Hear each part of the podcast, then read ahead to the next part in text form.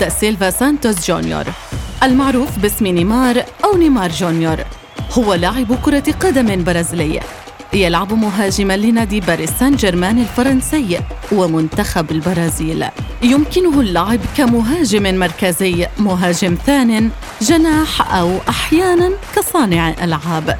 يعرف نيمار بالمهارة العالية، المراوغة، السرعة، الابتكار، التمرير، والقدرة على اللعب بكلتا القدمين، ويعتبر أحد أفضل اللاعبين في العالم.